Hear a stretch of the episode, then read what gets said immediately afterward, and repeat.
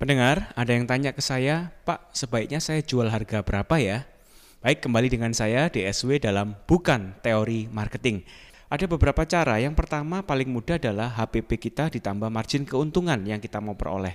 Jadi HPP adalah harga pokok produksi atau harga kulaan kita, lalu kita mau jual lagi harga berapa. Kita tambahkan dengan margin keuntungan yang kita harapkan.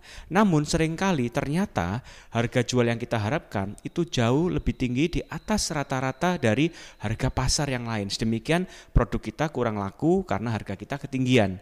Oleh sebab itu, sebaiknya kita melakukan yang dinamakan mystery shopper ya. Kita berlagak jadi konsumen, berlagak jadi pelanggan di tokonya orang lain, di tempat orang lain.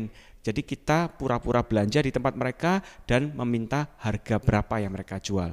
Nah, cara yang pertama adalah kita melakukan cek toko sebelah ya. Jadi kalau semisal kita punya toko yang pasti ada di sebelah kanan kiri kita tokonya mirip yang kita jual, lakukan mystery shopper di toko mereka dengan cara apa? Jangan Anda langsung ya yang pura-pura beli di sana. Mintalah keluarga Anda, ya mintalah saudara-saudara Anda, mintalah teman Anda yang Anda rasa mereka tidak kenal dengan pemilik toko sebelah. Nah, itu yang kita bisa lakukan.